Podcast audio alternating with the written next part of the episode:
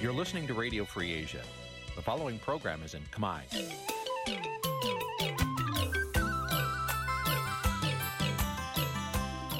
នេះជាកម្មវិធីផ្សាយ Vuthu Azizi Serai នេះជាកម្មវិធីផ្សាយរបស់ Vuthu Azizi Serai ជាភាសាខ្មែរ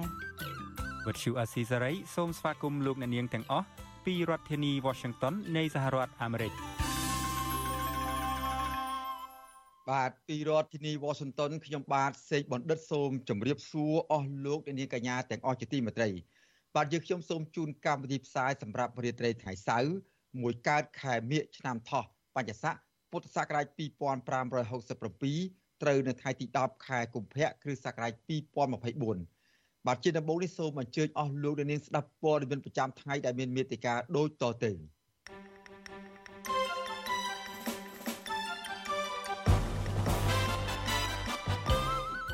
គណៈបកកណ្ដាលអំណាចធ្វើយុទ្ធនាការឃោសនាបោះឆ្នោតប្រសិទ្ធិនិងទិញទឹកចិត្តអង្គបោះឆ្នោតព្រះប្រតិជគុណសំគឹមសាទបន្តធម្មយត្រាចេញពីខេត្តសៀមរាបឆ្ពោះទៅខេត្តបន្ទាយមានជ័យទៅហ៊ុនម៉ាណែតកាត់ដីគម្របព្រៃឈើខេត្តប្រសែននោះឲ្យទៅបកគលមានលុយ ជនភៀសខ្លួនខ្មែរបញ្ចប់សរសេរសិភៅរំលឹកពីប្រវត្តិឈឺចាប់មកពីសង្គ្រាមនិងក្តីសង្ឃឹមថ្មីនៅអាមេរិករួមនឹងព័ត៌មានសំខាន់សំខាន់មួយចំនួនទៀត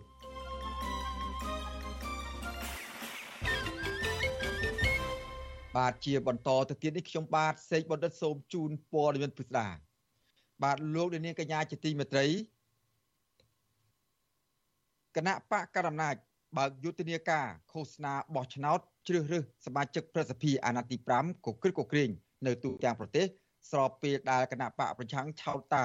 បាទស្របពេលគណៈបកប្រឆាំងឆោតថាអាញាធរបកកណ្ដាលអំណាចដើរអូសទាញទិញទឹកចិត្តសមាជិកក្រុមប្រឹក្សាឃុំសង្កាត់ដែលជាអង្គបោះឆ្នោតធ្វើឲ្យប៉ះពាល់ដល់លទ្ធផលបោះឆ្នោតជ្រើសតាំងសមាជិកប្រសិទ្ធិនៅពេលខាងមុខនេះបាទលោកលាននឹងបានស្ដាប់សេចក្តីរាយការណ៍ពិស្ដារអំពីរឿងនេះនាពេលបន្តិចទៀត កម្មវិធី Vithu Azizi ស្រីសម្រាប់ទូរស័ព្ទដៃអាចឲ្យលោកអ្នកនាង អានអត្ថបទទស្សនាវីដេអូនិងស្ដាប់ការផ្សាយផ្ទាល់ដោយឥតគិតថ្លៃនិងដោយគ្មានការរំខាន។ដើម្បីអាននិងទស្សនាមេតិការថ្មីថ្មីពី Vithu Azisari លោកអ្នកនាងគ្រាន់តែចុចបាល់កម្មវិធីរបស់ Vithu Azisari ដែលបានដំឡើងរួចរាល់លើទូរស័ព្ទដៃរបស់លោកអ្នកនាង ប្រសិនបើលោកអ្នកនាងចង់ស្ដាប់ការផ្សាយផ្ទាល់ឬការផ្សាយចាស់ចាស់សូមចុចលើប៊ូតុងរូប Vithu ដែលស្ថិតនៅផ្នែកខាងក្រោមនៃកម្មវិធីជាការស្រេច។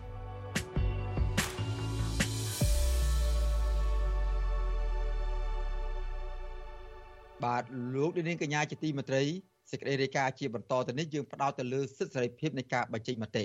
បាទក្រមអង្គការនិងសមាគមសង្គមស៊ីវិលជិត10ស្ថាប័ន បានចេញសេចក្តីថ្លែងការណ៍រួមគ្នាស្នើសុំឲ្យគណៈបកប្រជាជនកម្ពុជាដកពាក្យបណ្ដឹងពីមន្ត្រីអង្គការសិទ្ធិមនុស្សអាត6លោកសឹងសានករណា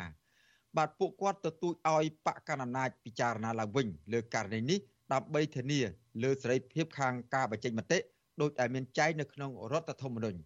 បាទយើងប្រកូលនាទីនេះជូនដល់លោកយ៉ងច័ន្ទរារាយការណ៍អំពីរឿងនេះពីរដ្ឋធានីវ៉ាស៊ីនតោន ក្រុមអង្គការសមាគមនិងសង្គមស៊ីវិលចំនួន8ស្ថាប័ន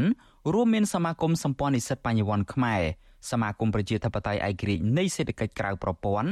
និងអង្គការសម្ព័ន្ធភាពការពារសិទ្ធិមនុស្សកម្ពុជាជាដើមបានចេញសេចក្តីថ្លែងការណ៍រួមគ្នាមួយកាលពីថ្ងៃទី9ខែកុម្ភៈទទូចដល់គណៈបកប្រជាជនកម្ពុជាឲ្យពិនិត្យមើលឡើងវិញដកពាក្យបណ្ដឹងពីមន្ត្រីការពារសិទ្ធិមនុស្សលោកសឹងសានករណា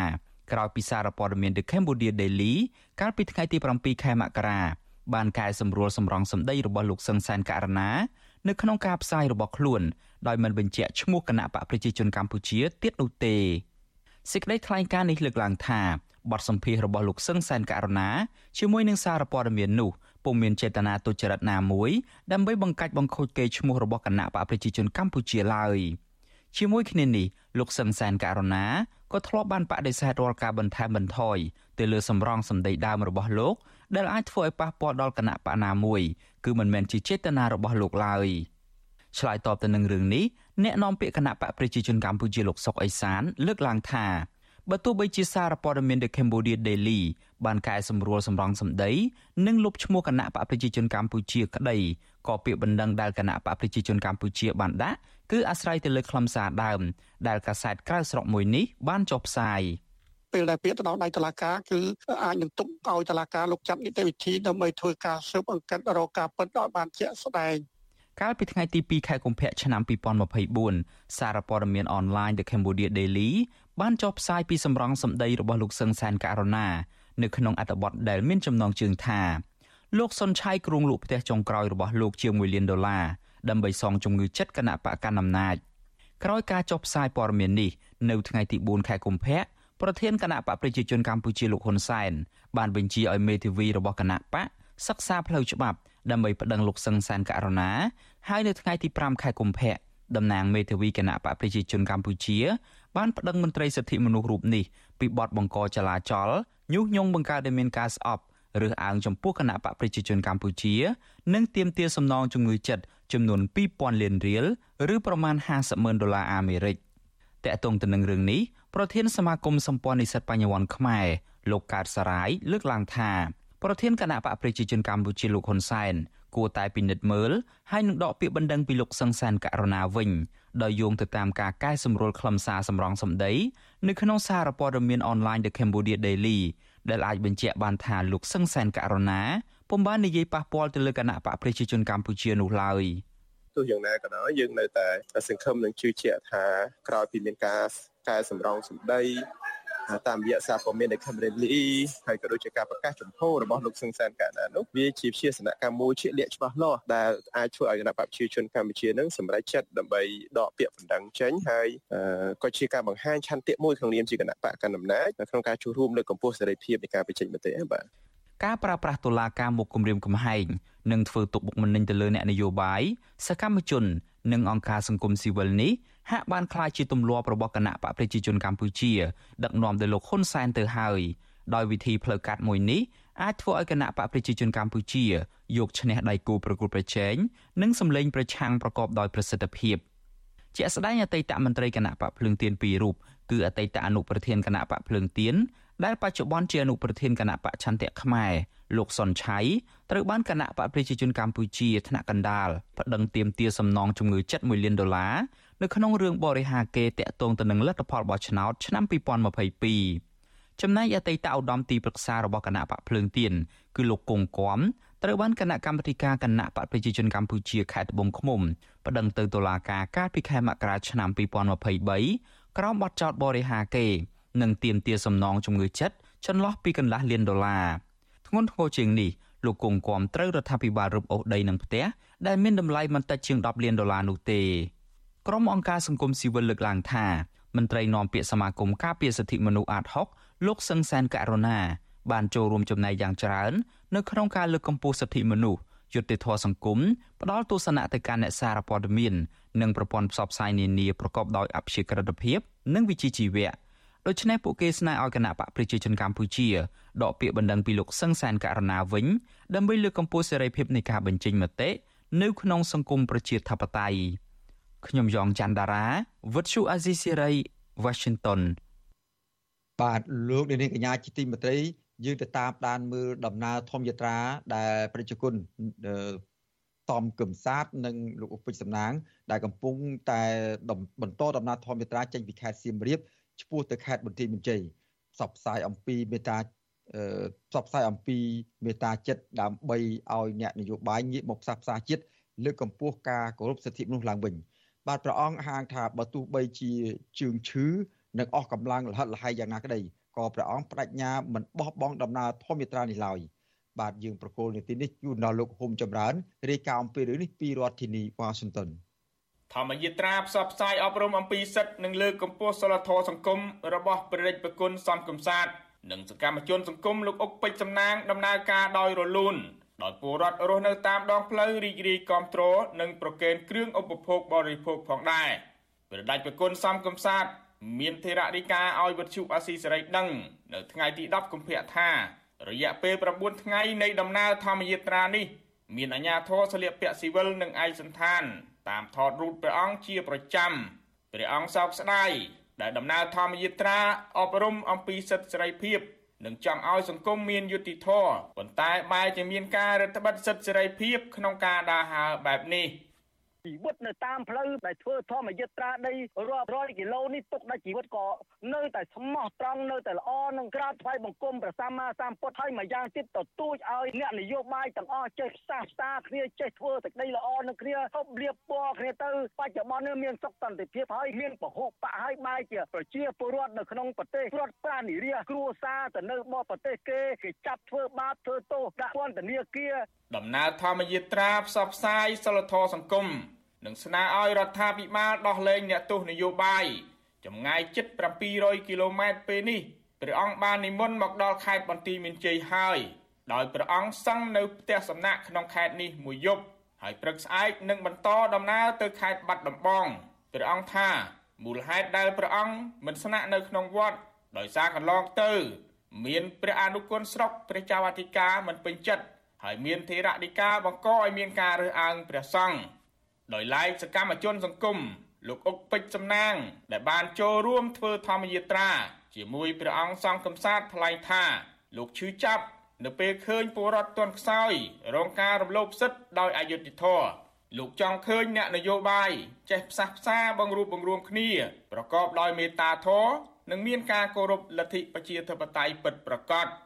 ឈានទៅរក គោលការណ៍លទ្ធិប្រជាធិបតេយ្យឲ្យច្បាស់លាស់ហើយជួយពង្រឹងអំណាចឲ្យសិលធម៌សង្គមនិងអធិពលសង្គមคล้ายទៅជាមនុស្សមានក្របខ័ណ្ឌនិងផ្លូវច្បាប់ជាតិនិងអន្តរជាតិទៅមានសេចក្តីសម្រេចទៅការទំនាក់ទំនងរបៀបជួយប្រទេសជាតិខ្លួនឯងនិងជួយពិភពលោកដោយសារតែអ្នកកាន់អំណាចចឹងខ្ញុំបាទសូមទទូចអង្វរហើយនឹងសូមឲ្យបងប្អូនធានាក្នុងការទៀមទាអ្វីដែលកំពុងតែមានបញ្ហាចូលរួមធានាបញ្ហាគ្រប់បែបយ៉ាង វិទ្យុអាស៊ីសេរីមិនអាចតាក់ទងអភិបាលខេត្តបន្ទាយមានជ័យលោកអ៊ុំរាត្រីដើម្បីសុំការបកស្រាយជុំវិញបញ្ហានេះបានទេនៅថ្ងៃទី10កុម្ភៈជុំវិញបញ្ហានេះប្រធានអង្គការសម្ព័ន្ធភាពការពារសិទ្ធិមនុស្សកម្ពុជា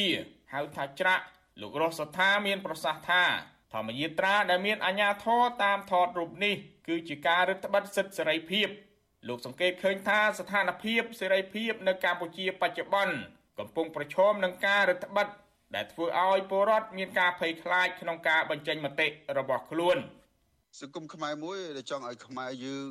បានសុខសប្បាយហើយរដ្ឋាភិបាលមិនសូវឈឺក្បាលមានតែឲ្យប្រជាពលរដ្ឋយើងនឹងគឺមានសិទ្ធិបញ្ចេញមតិសិទ្ធិចូលរួមក្នុងការអភិវឌ្ឍនឹងឲ្យបានផលផុសទៅហើយកាលណាគាត់បានចេញមតិមតិផលផុសហើយយើងធ្វើតាមការចង់បានរបស់គាត់អានឹងវាអស់បញ្ហាហើយនេះមិនមែនជាលើកទី1ទេដែលព្រះដេចប្រគុណសំកំសាទនិមន្តធ្វើធម្មយាត្រា ដើម្បីអប់រំអំពីសិលធម៌សង្គមនិងការលើកកម្ពស់ការគោរពសិទ្ធិមនុស្សជាក់ស្ដែងកាលពីឆ្នាំ2023កន្លងទៅព្រះដេចប្រគុណសំកំសាទធ្លាប់ធ្វើធម្មយាត្រាទៅខេត្តពោធិ៍សាត់និងទៅព្រំដែនថៃ ដែលកាលនោះព្រះអង្គរងការធ្វើទុកបុកម្នេញគ្រប់រូបភាពការរារាំងការគំរាមចាប់ផ្សឹកពីសំណាក់អាជ្ញាធរនិងការបណ្តេញចេញពីវត្តជាដើម ដំណើរធម្មយាត្រានេះនឹងបញ្ចប់នៅភ្នំអត្តរស ក្នុងស្រុកឧដុង្គខេត្តកំពង់ស្ពឺ ដែលមានចម្ងាយផ្លូវជិត700គីឡូម៉ែត្រដោយឆ្លងកាត់ខេត្តចំនួន8ព្រះអង្គសំកំសាទនិងមន្ត្រីអង្គការសង្គមស៊ីវិលជំរុញឲ្យរដ្ឋាភិបាលគោរពសិទ្ធិមនុស្សនិងបើកលំហឲ្យពលរដ្ឋមានសិទ្ធិសេរីភាពបញ្ចេញមតិដោយគ្មានការគំរាមកំហែងនិងចាប់ដាក់ពន្ធនាគារជាដើមខ្ញុំបាទហុំចម្រើនវិទ្យុអាស៊ីសេរីពីរដ្ឋធានី Washington បាទលោកនាងកញ្ញាជាទីមេត្រីឥឡូវនេះយើងបាន ភ្ជាប់ខ្សែទូរស័ព្ទទៅប្រជាជនសំកំសាទដើម្បីព្រះអង្គមានធរណការបន្ថែមទៀតជុំវិញដំណើរធ្វើធម្មយាត្រារបស់ប្រជាជននៅតាមដងផ្លូវឆ្ពោះទៅខេត្តបន្ទាយមានជ័យនៅថ្ងៃនេះបាទខ្ញុំកណាសូមក្រាបថ្វាយបង្គំព្រះអង្គកំសាទពីចម្ងាយទៀតចម្រើនពរញោមពរកណាអឺគុណចាស់មកទួលថ្ងៃនេះតើទៅដល់ខេត្តសៀមរាបហើយនឹងទ្រឹក ត្រៀមនឹងទៅចូលខេត្តដល់បន្ទាយមានជ័យទៀតនេះដំណើរផ្លូវនៅនៅក្នុងដំណាក់កាលនេះតើមានការហាមឃាត់ហើយការចូលគង់ទៅតាមវត្តអារាមឬក៏ការស្នាក់អាស្រ័យជាមួយនឹងលោកអុកពេជ្រសំណាងអីហ្នឹងមានការរៀបរៀងអីដោយការពីកន្លងមកឬមួយក៏មានការរើសអើងយ៉ាងម៉េចទេគុំចាស់ចម្រើនពរការធ្វើធម្មយាត្រារបស់អាត្មាគឺវារលូនយោមមិនមានបញ្ហាដែរទេព្រោះគឺមានការសម្រួលអឺ ពីក្រមការងារទៅតាមបណ្ដាស្រុករហូតមកហ្នឹងដោយសារតែអឺបានផ្សព្វផ្សាយនៅអឺធម្មយត្រាការលើកកម្ពស់សិលធម៌សង្គមហ្នឹងតាំងពីចូលទឹកដីខេត្តសៀមរាបមិនទាន់មានបញ្ហាអីទេក៏ណា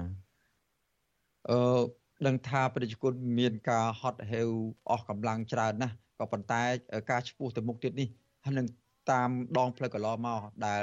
គុំចាស់បាននិមន្តឆ្លងកាត់នោះតើប្រជាពលរដ្ឋនៅតាមដងផ្លូវមានការសាទរចំពោះដំណើរធម្មយាត្រានេះយ៉ាងម៉េចដែរហើយតម្រូវការរបស់ប្រជាពលរដ្ឋនៅក្នុងតំបន់នៅក្នុងភូមិនីមួយៗហ្នឹងពួកគាត់មើលទៅគាត់ត្រូវការខ្លះចាំបាច់នៅក្នុងការរស់នៅប្រចាំថ្ងៃនេះគុណចា៎ចម្រើនពោញោមការធ្វើធម្មយាត្រារហូតមកហ្នឹងមានការចូលរួម ជាបច្ច័យជាចង្ហាន់បណ្ឌបាតចឹងទៅហើយគាត់អឺមានប្រសាសន៍ថាបើប្រគុណម្ចាស់គឺធម្មចេត្រាលើកកម្ពស់សិលធម៌សង្គមគណៈអណាអព្រោះឃើញចង់ឃើញសង្គមមួយរស់នៅក្នុងភាពថ្លៃថ្នូរមានការភ័យខ្លាចហើយម្យ៉ាងជាការរស់នៅគឺមានការរីកចម្រើននេះកណាក្នុងការបន្តដំណើរទៅមុខ ទៀតនេះតើគុណម្ចាស់នឹងអឺនឹងជួបប្រស័យតាក់ទងជាមួយនឹងប្រជាពលរដ្ឋតាមផ្លូវឬមួយក៏មាន ក្តីសំណុំពរយ៉ាងណាចំពោះបញ្ហាសង្គមនិងបញ្ហាប្រឈមរបស់ប្រជាពលរដ្ឋដែលគុំចាស់និមន្តឆ្លងកាត់នោះហើយកំពុងតែជួបបញ្ហាដោយគុំចាស់បានលើកឡើងកន្លងមកនេះទេពោអាត្មាបានអំពាវនាវគ្រប់បណ្ដាខេត្តទាំងអស់ អភិបាលគណៈអបាលគ្រប់ខេត្តទាំងអស់ដែលមានបញ្ហានៅតាមមូលដ្ឋានរបស់ខ្លួនបញ្ហាវិចិត្រដីធ្លីការរំលោភដីធ្លីរបស់អ្នកមានអំណាចការទន្ទ្រានយកដីពីប្រជាពលរដ្ឋនៅក្នុងដីខេត្ត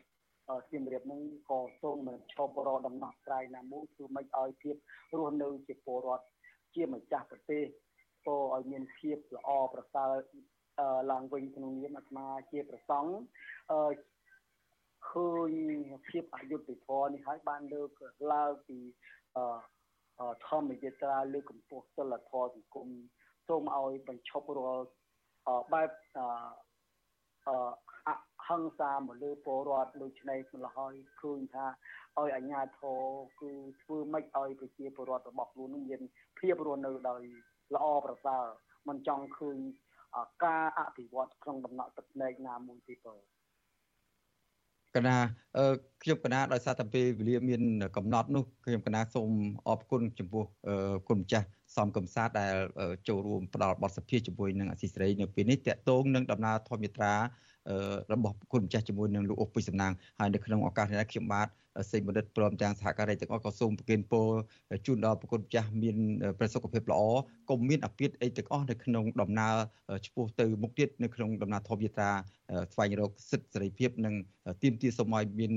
សង្សុខសន្តិភាពនៅក្នុងប្រទេសកម្ពុជានៅក្នុងឱកាសនេះសូមអរគុណញោមសាធុសាធុសាធុ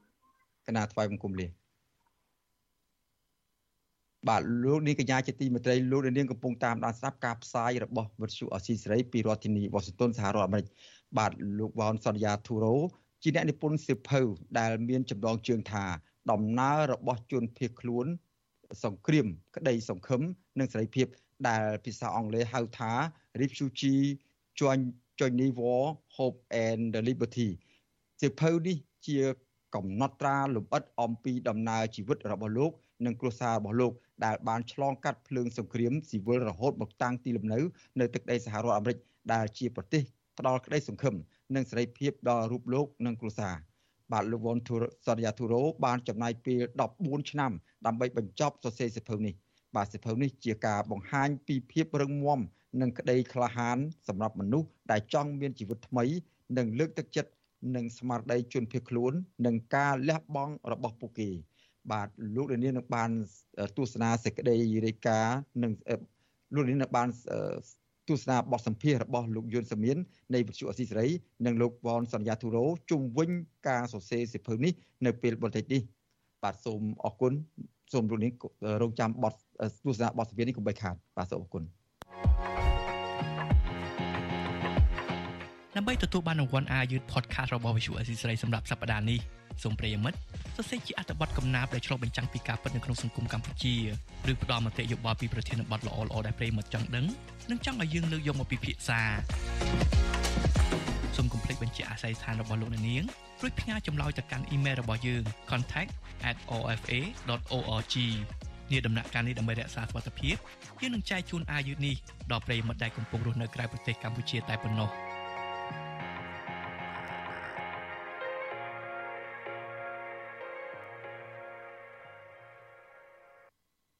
បាទលោកនាងកញ្ញាជាទីមេត្រីក្រសួងការងារបណ្ដុះបណ្ដាលវិជ្ជាជីវៈបង្ហាញមោទនភាពថាក្នុងឆ្នាំ2023ក្រមពលករកម្ពុជា ជាង1លាន3សែននាក់ដែលកំពុងធ្វើការនៅក្រៅប្រទេសមិនត្រឹមតែបានផ្ញើប្រាក់ចំនួន2900លានដុល្លារមកឲ្យក្រុមគ្រួសារនៅក្នុងស្រុកកំណើតប៉ុណ្ណោះទេគឺពលករទាំងនោះនឹងទទួលបានជំនាញបច្ចេកទេសសម្រាប់យកមកជួយអភិវឌ្ឍសង្គមជាតិនៅពេលវិលត្រឡប់មកផ្ទះវិញទៀតផង បាទក៏ប៉ុន្តែក្រមសហជីពកម្មករនឹងមិនបានត្រេកអរលើមោទនភាពដោយមន្ត្រីរបស់រដ្ឋាភិបាល បានលើកឡើងនោះទេ គឺពួកគេ បានសម្ដែងការព្រួយបារម្ភទៅវិញ បាទលោកយ៉ងច័ន្ទរាមានសេចក្តីរាយការណ៍ដាច់ដライមួយទៀតជុំវិញរឿងនេះពីរដ្ឋធានី Washington ក្រមសហជីពជំរុញរដ្ឋាភិបាលកម្ពុជា ជាពិសេសក្រសួងការងារនិងបណ្ដុះបណ្ដាលវិជ្ជាជីវៈគួរតែបង្កើនប្រសិទ្ធភាពផ្លូវច្បាប់ជាមួយប្រទេសនានាដើម្បីការពារពលករខ្មែរ ដែលទៅធ្វើការនៅក្រៅប្រទេសកុំឲ្យមានការកេងប្រវ័ញ្ចនិងការជួញដូរកម្លាំងពលកម្មប្រសើរជាងការដែលបង្ហាញតែពីប្រាក់ចំណូលរបស់ពលករទាំងនោះប្រធានសហភាពការងារកម្ពុជាលោកអាត់ធុនប្រាប់វិទ្យុអាស៊ីសេរីថាការបង្ហាញពីប្រាក់កម្រៃរបស់ពលករខ្មែរដែលទៅធ្វើការនៅក្រៅប្រទេសចំនួនជាង2900លានដុល្លារអាមេរិកសម្រាប់តែឆ្នាំ2023នោះគឺមិនមែនជាភាពដែលគួរឲ្យត្រេកអរនោះទេ បើពិនិត្យមើលទៅលើបញ្ហាជាច្រើន ដែលពលករខ្មែរកំពុងប្រឈមនៅតាមកន្លែងការងារនោះលោកអាថុនមានប្រសាសន៍ទៀតថាបច្ចុប្បន្ននេះពលករខ្មែរនៅក្រៅប្រទេសជាច្រើនអ្នកកំពុងតែប្រឈមទៅនឹងបញ្ហាដូចជាត្រូវគេបង្ខំឲ្យធ្វើការធ្ងន់ធ្ងរនិងពេលខ្លះកម្មករខ្លួនឯងត្រូវបង្ខំចិត្តធ្វើការដោយសារតែគ្មានជំរើសបណ្ដាលឲ្យប៉ះពាល់ដល់សុខភាពធ្លាក់ខ្លួនពិការ ឬក៏ឈឺនិងអ្នកខ្លះទៀតខ្លាចជាអ្នកប្រើប្រាស់គ្រឿងញៀនបណ្ដាលឲ្យបាត់បង់ស្មារតីនិងស្លាប់ខ្លួនជាដើមបាយការដែលខ្ញុំធ្វើការរយៈពេល4 10ឆ្នាំនេះខ្ញុំចុះទៅផ្ទាល់នៅថៃនៅកូរ៉េនៅអីហ្នឹងគឺថាមានបញ្ហាច្រើនសូមឲ្យរដ្ឋាភិបាលហ្នឹងចុះ MOU ឬក៏កិច្ចព្រមព្រៀងជាមួយរដ្ឋាភិបាលនៃប្រទេសនោះដើម្បីធានាថាពលករដែលទៅនឹងធ្វើការ ដោយមិនមានការកេងប្រវ័ញ្ចកម្លាំងពលកម្មឬក៏ដោយគ្មានការបង្ខំឡងមកដូចជានៅម៉ាឡេអញ្ចឹងគឺមានការរំលោភខ្លាំងហើយនៅថៃគឺថាមានការរំលោភខ្លាំងដែរជួញដូរនៅតាមទូនេសាទច្រើនជាមួយគ្នានេះអ្នកវិភាគបញ្ហាសង្គមលោកបណ្ឌិតមាសនេះមានប្រសាសន៍ថាការទទួលបានប្រាក់ខែច្រើន ពីការងារនៅក្រៅប្រទេស គឺជារឿងមួយល្អសម្រាប់ពិភពលោកបច្ចុប្បន្នដែលត្រូវការប្រកួតប្រជែងសមត្ថភាពជំនាញនិងធនធានមនុស្ស ក៏ប៉ុន្តែអ្វីដែលលោកចង់ឃើញនោះគឺរដ្ឋាភិបាលកម្ពុជាត្រូវតែគិតគូរអំពីយុទ្ធសាស្ត្រនៅក្នុងការបង្កើតការងារថ្មី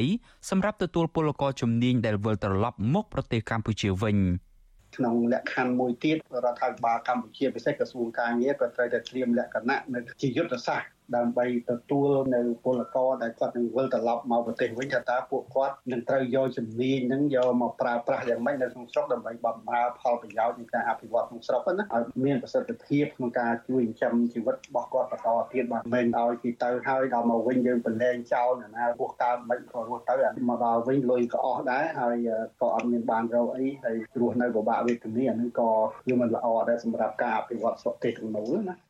ការលើកឡើងរបស់សហជីពកម្មករនិងអ្នកវិភាគបញ្ហាសង្គមនេះគឺក្រោយពីក្រសួងការងារនិងបណ្ដុះបណ្ដាលវិជ្ជាជីវៈបានបង្ហាញរបាយការណ៍មួយជាមួយនឹងមោទនភាពថាកាលពីឆ្នាំ2023កន្លងទៅពលករខ្មែរដែលទៅធ្វើការនៅក្រៅប្រទេសចំនួនជាង1លាន3សែននាក់បានផ្ញើប្រាក់ចំនួន2900លានដុល្លារអាមេរិកមកឲ្យក្រុមគ្រួសារនៅក្នុងប្រទេសកម្ពុជាវិទ្យុអាស៊ីសេរីមិនអាចតាក់ទងแนะនាំពាក្យក្រសួងការងារនិងបណ្ដុះបណ្ដាលវិជ្ជាជីវៈ លោកកតាអូនដើម្បីសុំការអធិប្បាយបន្ថែមជុំវិញរបាយការណ៍នេះបាននៅឡើយទេ នៅថ្ងៃទី10ខែកុម្ភៈដោយសារតែទូរស័ព្ទចូលតែពុំមានអ្នកទទួលក៏ប៉ុន្តែទីភ្នាក់ងារសារព័ត៌មានចិនស៊ីនហួរបានដកស្រង់សម្ដីរដ្ឋមន្ត្រីក្រសួងការងារនិងបណ្ដុះបណ្ដាលវិជ្ជាជីវៈលោកហេងសួរយកមកចុះផ្សាយកាលពីថ្ងៃទី8ខែកុម្ភៈថាពលករខ្មែរដែលកំពុងធ្វើការនៅក្រៅប្រទេសទទួលបានប្រាក់កម្រៃប្រសើរ ដូចជានៅប្រទេសថៃនិងម៉ាឡេស៊ីទទួលបានក្នុងកម្រិតអបអបរមាចន្លោះពី300ទៅ400ដុល្លារអាមេរិកចំណែកអ្នកធ្វើការនៅប្រទេសកូរ៉េខាងត្បូងនិងជប៉ុនវិញពួកគេអាចទទួលបានប្រាក់ឈ្នួលចន្លោះពី1400ទៅ1500ដុល្លារអាមេរិកក្នុងមួយខែមួយខែទោះជាយ៉ាងនេះក្តីសហជីពការពារសិទ្ធិនិងផលប្រយោជន៍របស់កម្មករនៅមិនទាន់ចាត់ទុកថាកម្រិតប្រាក់ឈ្នួលនេះគឺជាមោទនភាពដែលគួរឲ្យត្រេកអរឡើយបើសម្លឹងមើលទៅលើបញ្ហាជាច្រើន ដែលប្រទេសកម្ពុជា និងពលករកំពុងតែប្រឈមមុខនោះអនុប្រធានសហជីពសេរីកម្មករនៃព្រះរាជាណាចក្រកម្ពុជា អ្នកស្រីសាយសុកនីបានកត់សម្គាល់ថានៅក្នុងរយៈពេល5ទៅ6ឆ្នាំចុងក្រោយនេះអត្រានៃការផ្ទេរប្រាក់ពីបរទេសចូលមកកម្ពុជា មានចំនួនច្រើន ដែលមានន័យថាបច្ចុប្បន្នមានពលរដ្ឋកម្ពុជាកាន់តែច្រើនឡើងច្រើនឡើងកំពុងធ្វើចំណាក់ស្រុកចោលគ្រួសារនិងកូនកូនដើម្បីស្វែងរកកម្រៃមុខចិញ្ចឹមក្រពះនិងដោះបំណុល អ្នកស្រីសាយសុកនីមិនបានបង្ហាញមោទនភាពចំពោះទឹកប្រាក់ដែលពលករខ្មែររកបាននៅក្រៅប្រទេសនេះទេក៏ប៉ុន្តែអ្នកស្រីសម្ដែងក្តីព្រួយបារម្ភទៅលើបញ្ហាជាច្រើនទៅវិញ។ចំពោះសហជីពមានការព្រួយបារម្ភមិនត្រេកអរទេចំណុចត្រេកអរមានតែមួយទេគឺពេលដែលគាត់កំពុងធ្លាក់នៅក្នុងជ្រោះអត់ឃ្លាននឹងបំណុលគឺគាត់មានលុយផ្ញើមកពុកម្ដាយសងបំណុលគេហើយឱកាសមួយទៀតគឺគាត់បានពង្រីកចំណេះដឹងតែចំពោះយើងគឺអវិជ្ជមានច្រើនជាងវិជ្ជមានអវិជ្ជមានគឺថាកម្លាំងពលកម្មរបស់ជាតិមិនមែនបំរើកម្លាំងសេដ្ឋកិច្ចរបស់ប្រទេសផ្សេងទេគឺយើងខាត់បងធំធេងណាស់ប្រសិនបើយើងគិតអំពីកម្លាំងពលកម្មការចិញ្ចឹមនៃសេដ្ឋកិច្ចជាតិតកតងទៅនឹងរឿងនេះដែរនាយកប្រតិបត្តិអង្គការសង្ត្រាល់លោកមឿនដុល្លារក៏ធ្លាប់បង្ហាញការព្រួយបារម្ភទៅលើការកេងប្រវ័ញ្ចនិងការជួញដូរកម្លាំងពលកម្មរបស់ពលករខ្មែរដែលចេញទៅធ្វើការនៅក្រៅប្រទេសដែរលោកមឿនដុល្លារមានប្រសាសន៍ថាមានពលករខ្មែរខ្លះ ដែលក្រុមហ៊ុនឯកជននាំទៅធ្វើការនៅប្រទេសនានានៅតំបន់អារ៉ាប់និងចិនជាដើមនោះត្រូវបានគេជួញដូរ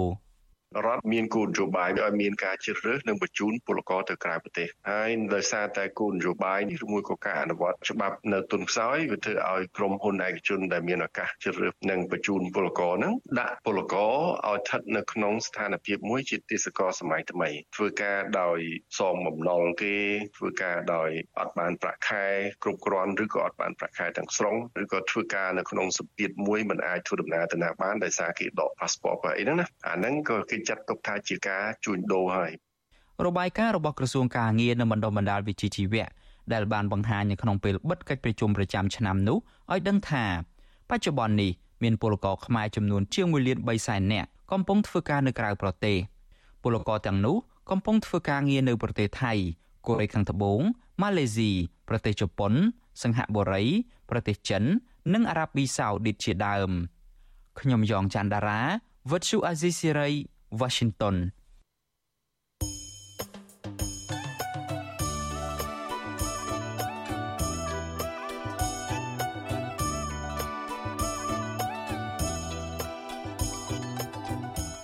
បាទលោកនាងកញ្ញាជាទីមេត្រីដំណើរគ្នានឹងស្ដាប់ការផ្សាយវិទ្យុអស៊ីសេរីតាមបណ្ដាញសង្គម Facebook YouTube និងប្រព័ន្ធ Telegram នោះលោកនាងក៏អាចស្ដាប់ការផ្សាយរបស់កម្មវិធីវិទ្យុអស៊ីសេរីតាមរយៈលោកធារកាខ្លីឬ Shortwave តាមកម្រិតនិងកម្ពស់ឬតទៅនេះ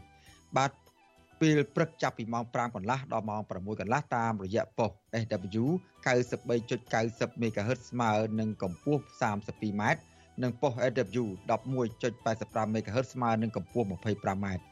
ពេលយប់ចាប់ពីម៉ោង7កន្លះដល់ម៉ោង8កន្លះតាមរយៈប៉ុស SW 93.30 MHz ស្មើនឹងកម្ពស់ 32m ប៉ុស AW 11.88 MHz ស្មើនឹងកម្ពស់ 25m និងប៉ុស SW 15.15 MHz ស្មើនឹងកម្ពស់ 20m បាទសូមអរគុណ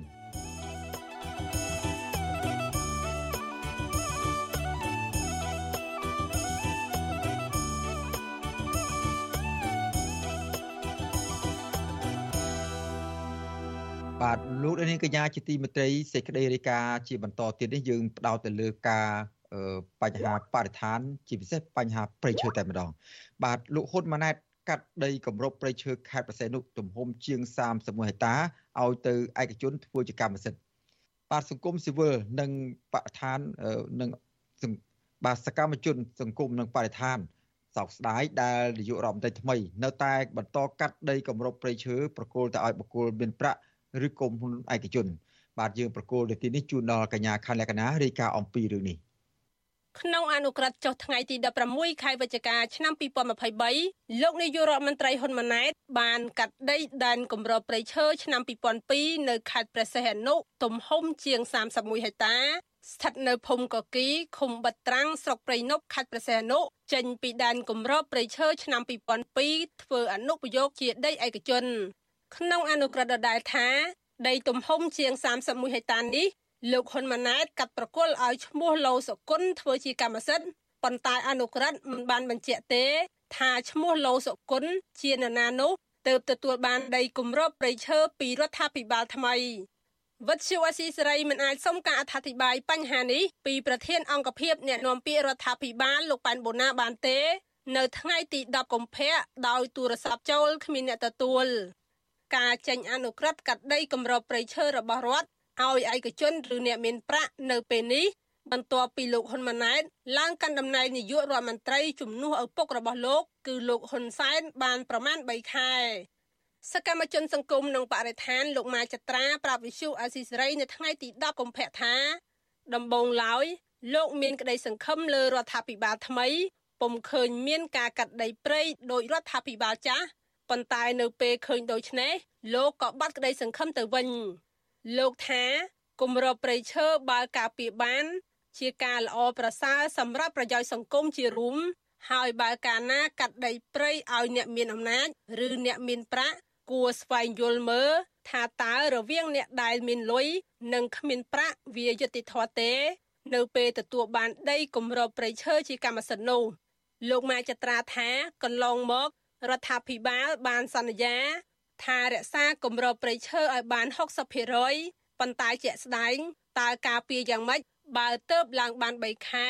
ហើយគាត់កាត់ដីគម្របព្រៃឈើបាត់ទៅហើយនោះថាតើគាត់មានលទ្ធភាពឯណាទៅរក្សាគម្របព្រៃឈើឲ្យបាន60%នោះ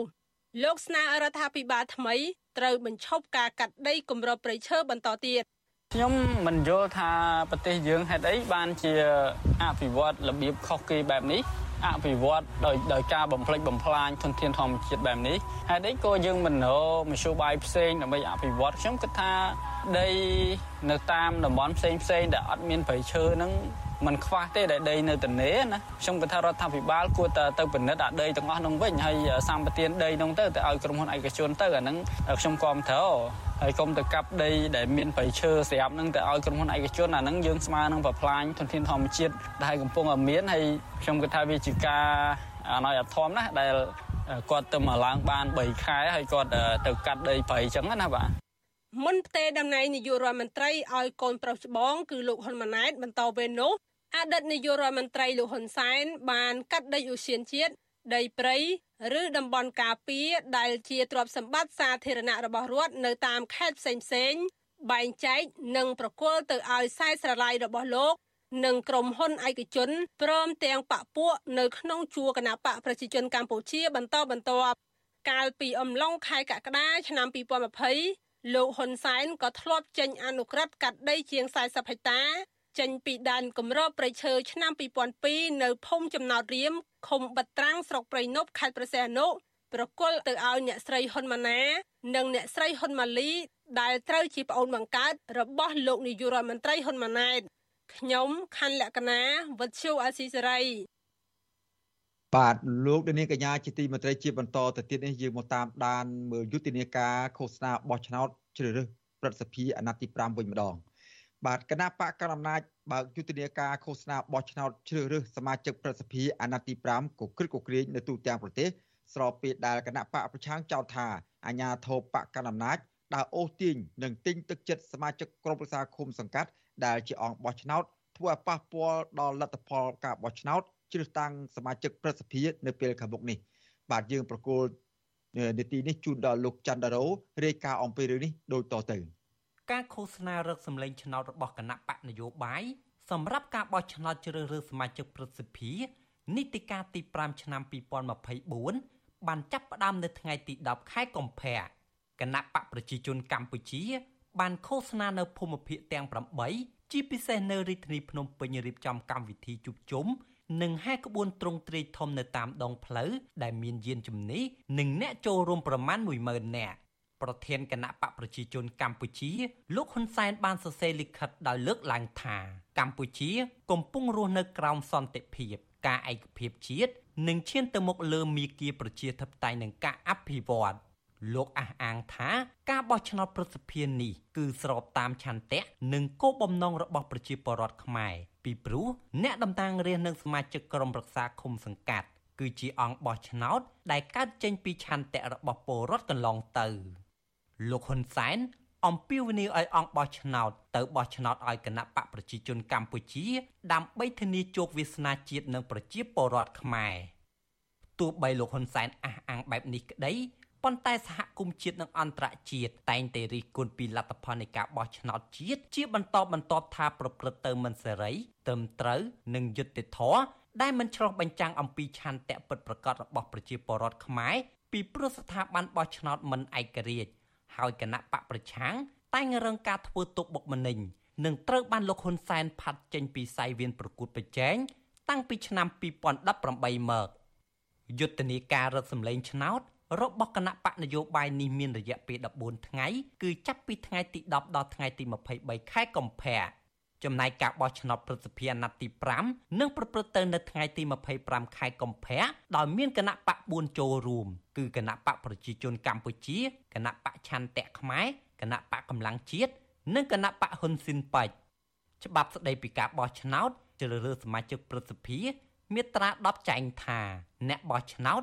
និងអង្គបោះឆ្នោតគឺជាតំណាងរាស្ត្រក្នុងមុខតំណែង និងសមាជិកក្រុមប្រឹក្សាឃុំសង្កាត់ទាំងអស់ក្នុងមុខតំណែងគណៈបកនយោបាយដែលចូលរួមបោះឆ្នោតប្រសិទ្ធភាពចំនួន3មិនរៀបចំពិធីជួបជុំមហាជន និងហែកក្បួនកកិតកក្រែងនៅតាមទីសាធារណៈនោះឡើយ ពីព្រោះពួកគេរៀបចំពិធីជួបជុំផ្សព្វផ្សាយពីគោលនយោបាយនិងពង្រឹងជំហររបស់អង្គបោះឆ្នោតនៅក្នុងមុខតំណែង។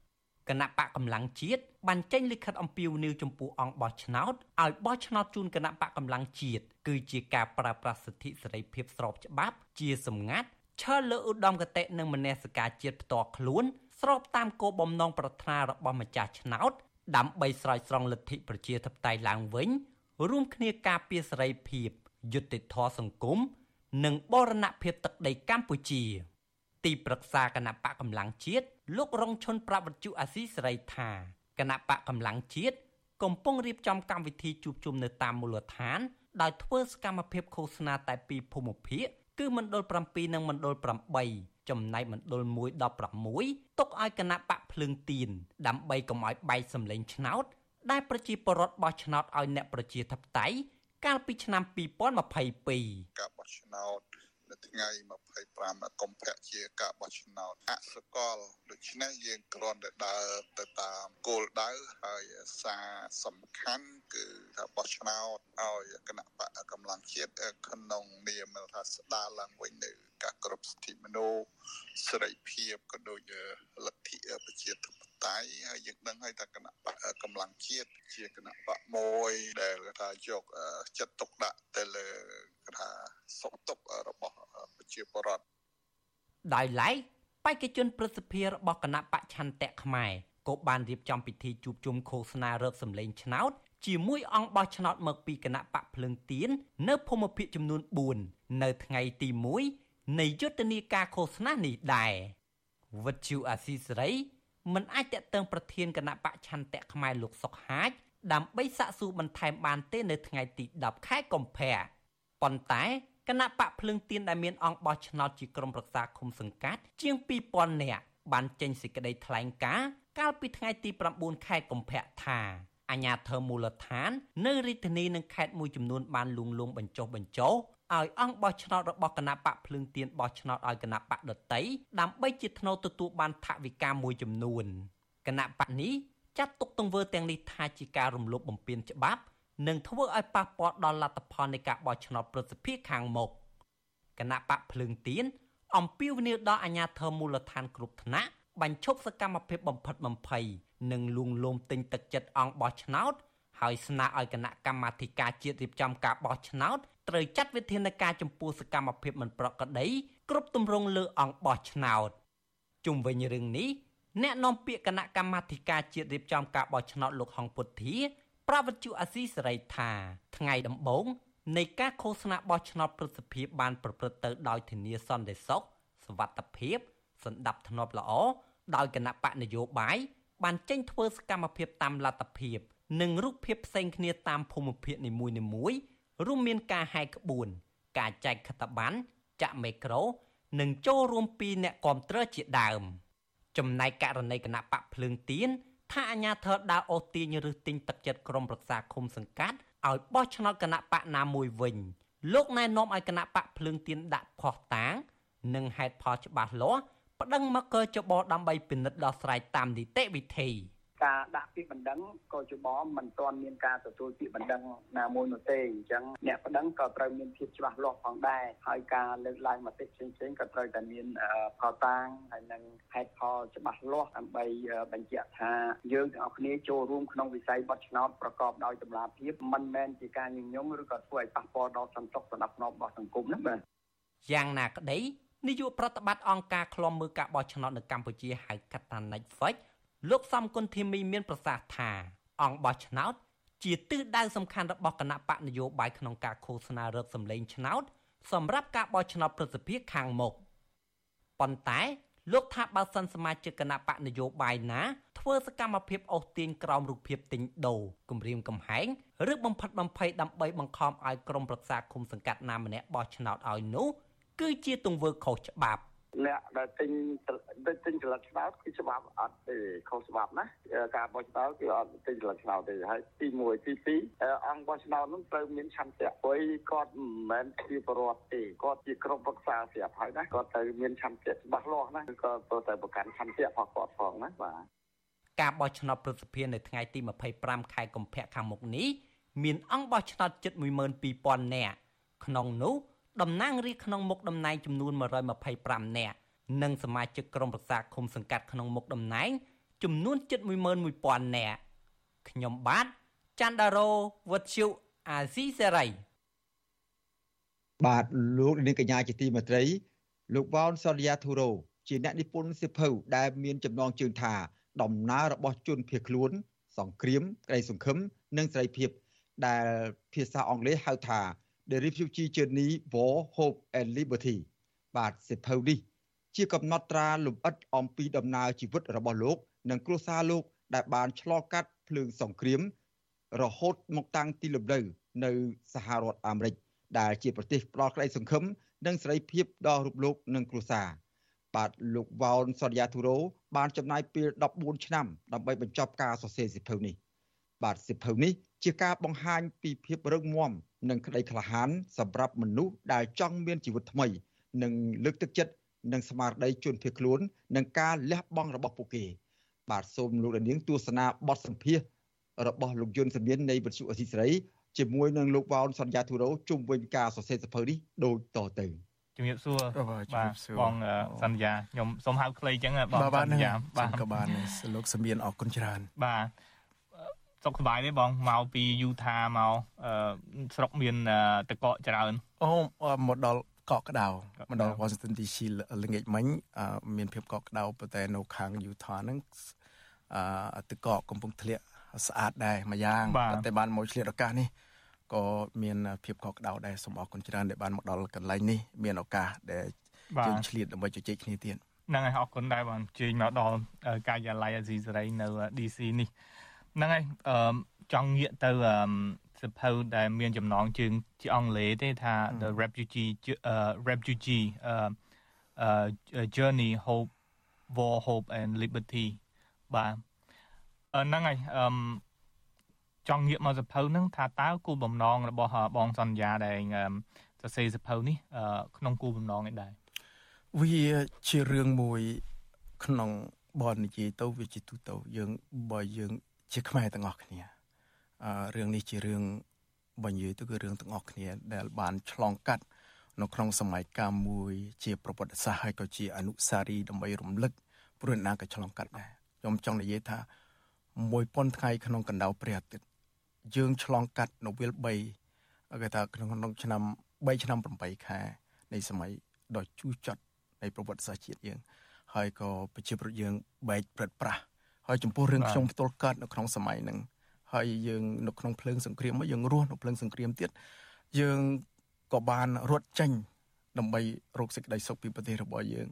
តែខ្ញុំវានៅតូចមែនប៉ុន្តែនៅក្នុងព្រំដែននឹងខ្មែរថៃនឹងជំរុំទាំងអស់ហ្នឹងគឺថារត់ក្របផ្លោងបើនិយាយទៅក្មេងក្របផ្លោងហើយនេះនេះបាទអញ្ចឹងវាជារឿងមួយដែលយើងរំលឹកវាជារឿងជូរចត់ដែលមួយជីវិតនេះយើងបានឆ្លងកាត់អឺ ជាការរំលឹកគ្រាន់តែថាយើងសម័យកាលបច្ចុប្បន្នសម្រាប់ខ្ញុំវាគ្រប់គ្រាន់ហើយបានមកដល់ប្រទេសគេមកដល់ឆ្លងមហាសមុទ្រមកមានសេចក្តីសុខគ្រប់គ្រាន់ប៉ុន្តែបេះដូងមួយនេះវានៅតែនឹកគិតដល់ប្រទេសជាតិនឹកគិតដល់អនុស្សាវរីយ៍ហើយសភៅនេះគឺគ្រាន់ជារំលឹកនៃអនុស្សាវរីយ៍នៃជីវិតរបស់យើងតែប៉ុណ្ណឹងសម្រាប់ជាជនភៀសខ្លួនហើយក៏សម្រាប់សង្គមខ្មែរបច្ចុប្បន្ននៅក្មេងចំនួនក្រោយនេះបាទដើម្បីរំលឹកទៅក៏ជារឿងមួយដោយបង្កើតនៅ ផ្នត់គំនិតមួយដើម្បីឲ្យបង្កើតភាពរឹងមាំសម្រាប់យើងទាំងអស់គ្នាបាទបងជួយរំលឹកបន្តិចមើលកាលដែលបងទៅដល់ជំរំនឹងហើយពេលដែលមានសង្គ្រាមនឹងរំលឹកតិចមើលថាតើជីវិតបងនឹងចាប់ផ្ដើមដំបូងនឹងកើតឆ្នាំណាអញ្ចឹងរហូតមកដល់ទីតាំងមកសហរដ្ឋអាមេរិកហ្នឹងហើយយើងយើងយើងដឹងហើយពេលវេលានៅក្នុង17មេសាឆ្នាំ1975ប្រទេសយើងគឺ គឺថាភ្លើងសង្គ្រាមរៀលពីសង្គ្រាមវៀតណាមនៃប្រទេសវៀតណាមគឺគេអឺគេឆេះឆាលដល់ប្រទេសជាតិយើងបាទពួកគេហៅថាពួកប៉ុលពតអឺដែលយើងនិយាយហ្នឹងសម័យហ្នឹងនៅពេល75ចូលមកហើយមនុស្សជំលះចេញពីបននិយាយទៅគឺថាវាកលាប់ចាក់ហ្មងអញ្ចឹងជីវិតណាក៏ដឹងដែរបើយើងនិយាយរំលឹកទៅកំសត់ណានៅពេលក្នុងដូចខ្ញុំនិយាយ100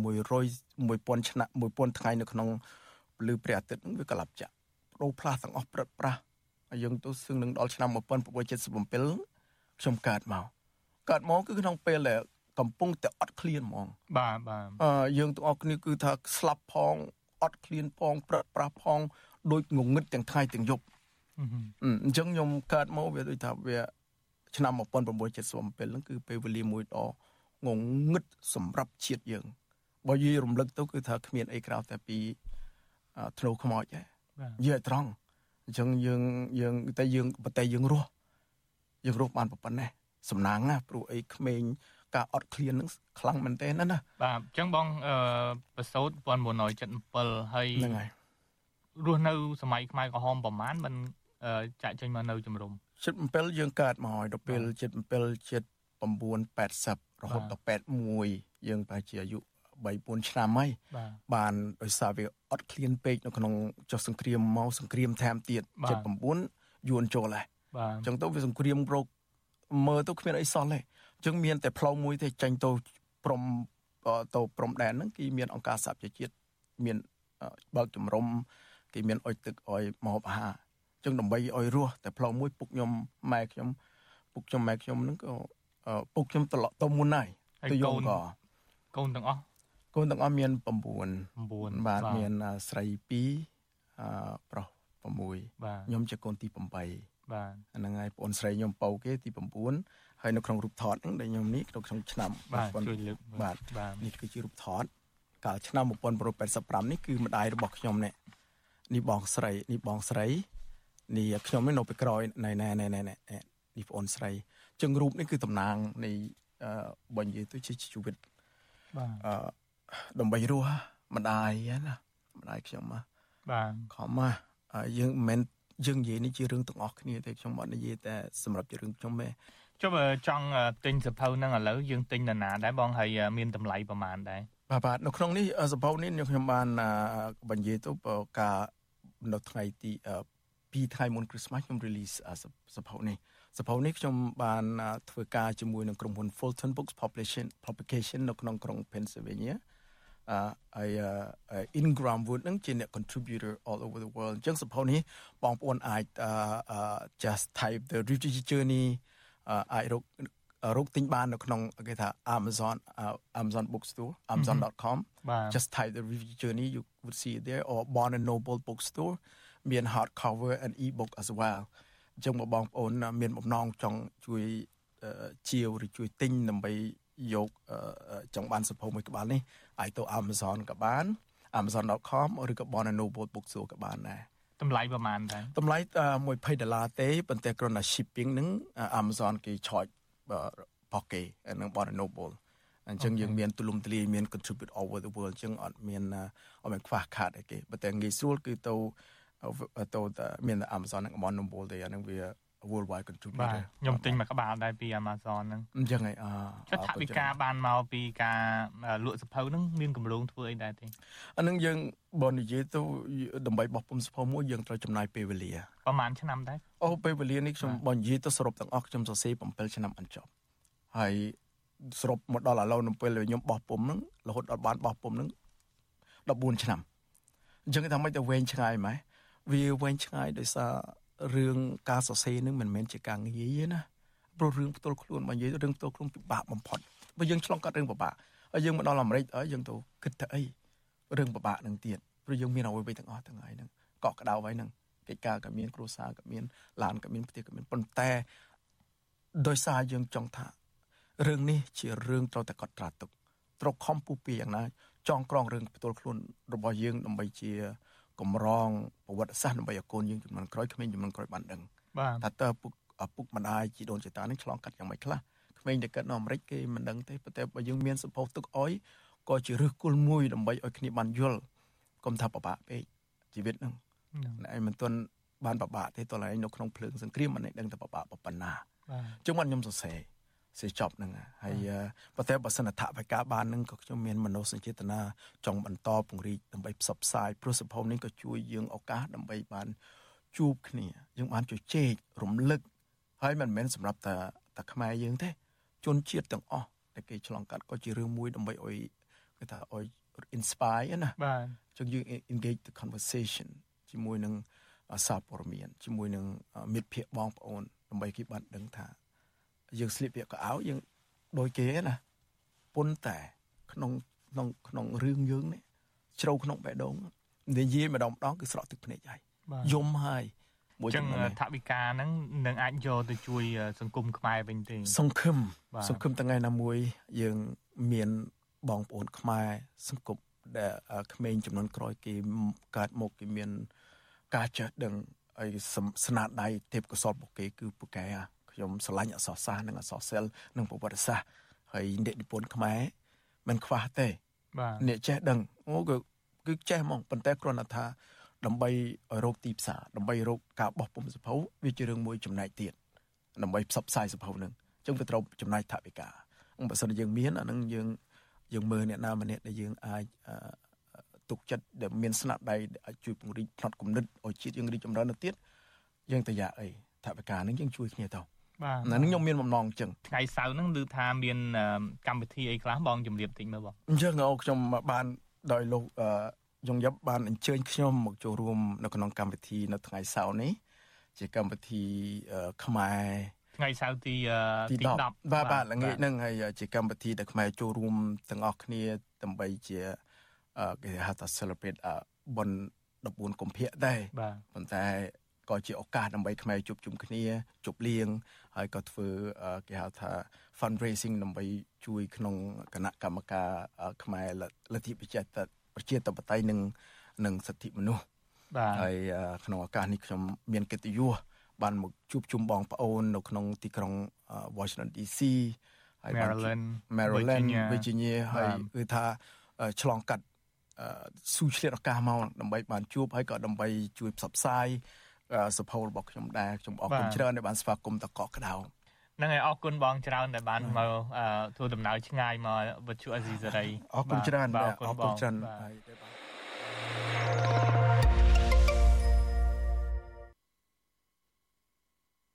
ជាទីមេត្រីលោកនាងទើបបានទស្សនាបទសម្ភាសរបស់លោកយុនសមៀននៃវិទ្យុអេស៊ីសេរីជាមួយនឹងលោកវ៉ោនសន្យាធូរ៉ូជុំវិញការសរសេរសភៅដែលមានចំណងជើងថា សង្គ្រាមក្តីសង្ឃឹមនិងសេរីភាពបាទប្រសិទ្ធបានលោកនាងរស់នៅតំបន់រដ្ឋធានី Washington លោកនាងអាចទៅចូលរួមកម្មវិធីរៃអង្គាសប្រាក់និងការដាក់បង្ហាញសិភៅស្ដីពីដំណើររបស់ជនភៀសខ្លួន សង្គ្រាមក្តីសង្ឃឹមនិងសេរីភាព នៅភោជនីយដ្ឋាន Hong Kong Pearl Seafood Restaurant នៅទីក្រុង Gettysburg រដ្ឋ Maryland ដែលកម្មវិធីនេះនឹងចាប់ផ្ដើមពីម៉ោង6យប់នៅថ្ងៃសៅរ៍នេះ គឺថ្ងៃទីនៅថ្ងៃទី10ខែកុម្ភៈរហូតដល់ពាក់កណ្ដាលយប់បាទកម្មវិធីនេះរៀបចំឡើងដោយអង្គការ Cambodia American for Human Rights and Democracy បាទសូមអរគុណបាទលោកនាងកាបាទលោកនាងកញ្ញាជាទីមេត្រីឥឡូវនេះយើងផ្ដោតទៅលើអតិថិជន ដែលរស់នៅក្នុងបរិយាពិភពថ្មីម្ដងបាទក្រមអតិថិជនបរិយាពិភពថ្មីបដិញ្ញាចិត្តមិនរើចេញពីផ្ទះឡើយ បើទោះបីក្រុមហ៊ុន នៅតែចង់ឲ្យពួកគាត់រើចេញ ដោយមិនទូទាត់ប្រាក់50%នៃប្រាក់ដែលពួកគាត់ខិតខំបង់រំលោះឲ្យក្រុមហ៊ុននោះបាទអ្នកស្រីពៅម៉ាណែតជាអតិថិជនម្នាក់ក្នុងចំណោមអតិថិជនបរិយាពិភពថ្មីកម្ពុជាច្រើនអ្នកផ្សេងទៀតស្ថិតនៅក្នុងលក្ខស្ថិតនៅក្នុងខណ្ឌកម្ពុជាបញ្ញាថានឹងមិនរើចេញពីផ្ទះនោះឡើយបើទោះបីជាក្រុមហ៊ុនប្រើប្រាស់កម្លាំងចាប់បង្ខំឲ្យរើចេញយ៉ាងណាក្តីបាទសូមទស្សនាសេចក្តីរាយការណ៍អំពីរឿងនេះដូចតទៅ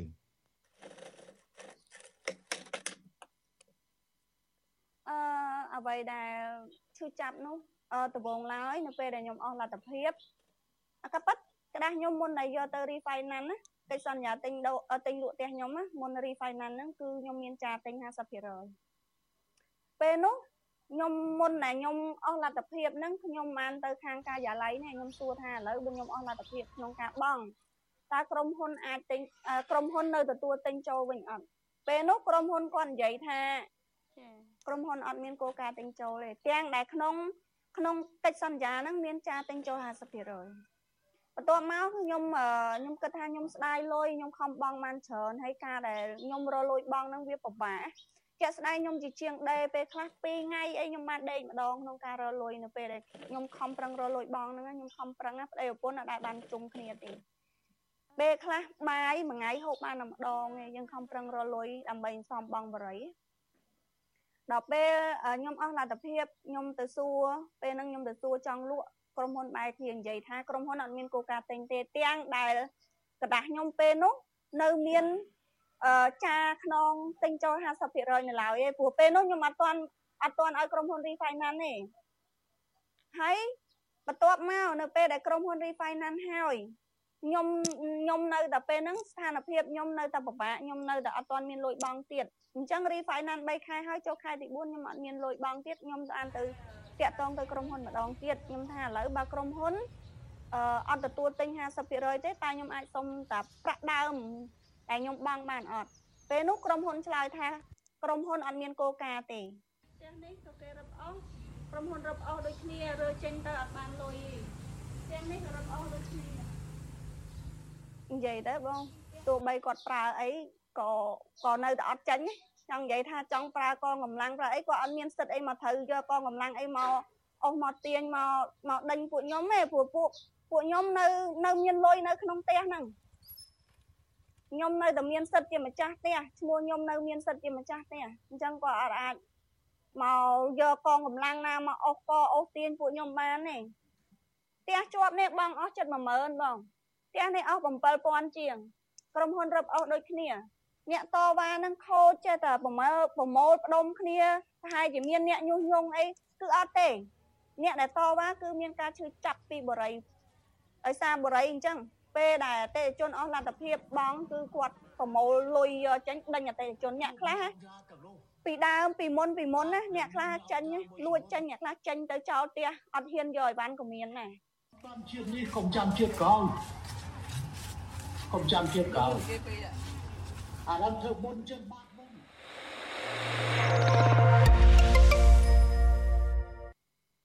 បាទលោកនាងកញ្ញាជាទីមេត្រីកម្មវិធីផ្សាយរបស់វិទ្យុអស៊ីសេរីសម្រាប់រាត្រីថ្ងៃសៅរ៍នេះបានឈានដល់ទីបញ្ចប់ហើយខ្ញុំបាទសេកបណ្ឌិតព្រមទាំងក្រុមការងារទាំងអស់របស់វិទ្យុអស៊ីសេរីសូមថ្លែងអំណរគុណយ៉ាងជ្រាលជ្រៅចំពោះអស់លោកនាងដែលនៅតែមានភក្ដីភាពតាមដានស្ដាប់ការផ្សាយរបស់យើងខ្ញុំជារៀងដរាបមក ហើយយើងខ្ញុំសូមជូនពរដល់អស់លោកនាងឲ្យជួបប្រកបតែនឹងសេចក្តីសុខចម្រើនរុងរឿងកំបីគ្លៀងគ្លាតឡើយខ្ញុំបាទសូមអរគុណនិងសូមជម្រាបលា បាទរីត្រីសួស្តី